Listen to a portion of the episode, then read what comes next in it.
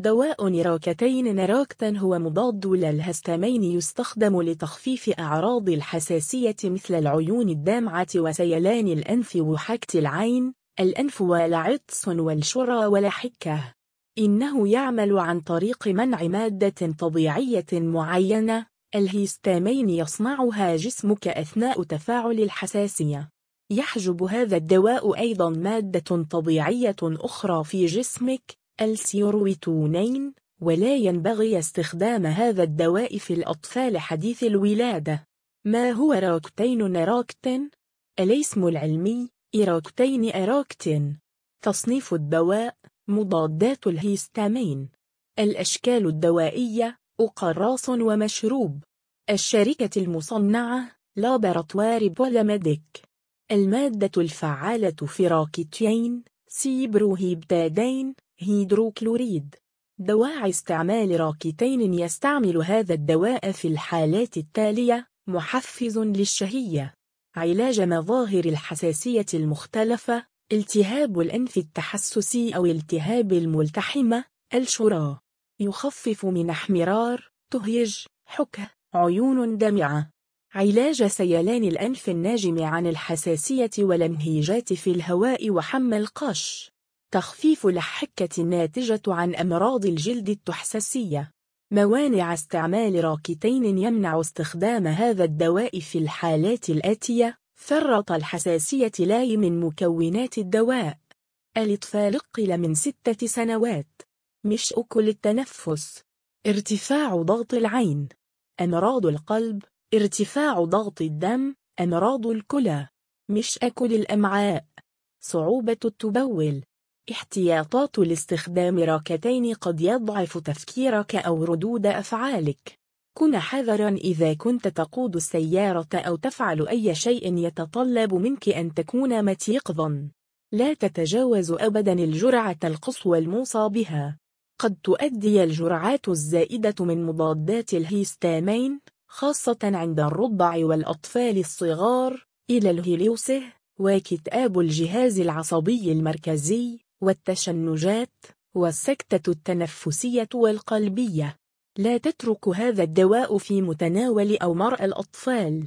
التفاعلات الدوائية مشتقات المورفين المسكنات ومضادات السعال والعلاجات البديلة. مضادات الذهان. أدوية النوم أو القلق. مضادات الاكتئاب خافضات ضغط الدم. مضادات التشنج. مرخيات العضلات. مضادات الهيستامين الأخرى مثل السيتريزين ديفينهيدرامين. الأعراض الجانبية قد تحدث بعض الآثار الجانبية غير المرغوبة على سبيل المثال الغثيان العصبية والقلق التململ السرع والتشنجات فتح الشهية الدوار الإمساك سرعة الهيجان النعاس. عدم وضوح الرؤية. جفاف الفم الأنف الحلق.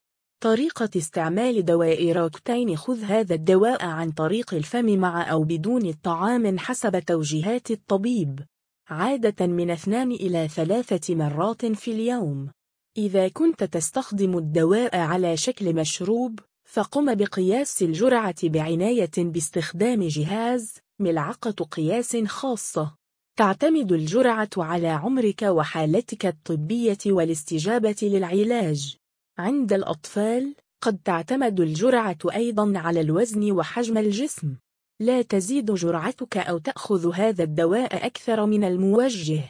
أخبر طبيبك إذا لم تتحسن حالتك أو إذا ساءت. ثمن راكتين في المغرب سعر دواء راكتين شراب في الصيدليات في المغرب 13.45 درهم مغربي.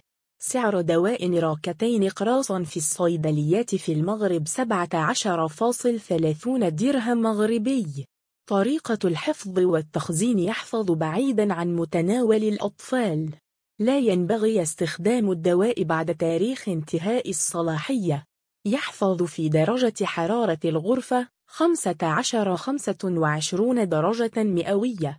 يحفظ في مكان جاف بعيدا عن الحرارة والرطوبة بديل نيراكتين تتوفر بدائل الدواء والتي تحتوي على المادة الفعالة سيبروهيبتادين. على سبيل المثال إبويتين أيبتين تيريوكوسانتين ركس نورافيت نورافيت نورابول نورابول بيرينابول برنيبول بيرفيتال بارفايت التجربة مع راكتين وصفه لي إخصائي الحساسية قبل ستة أشهر لعلاج حكت الجلد.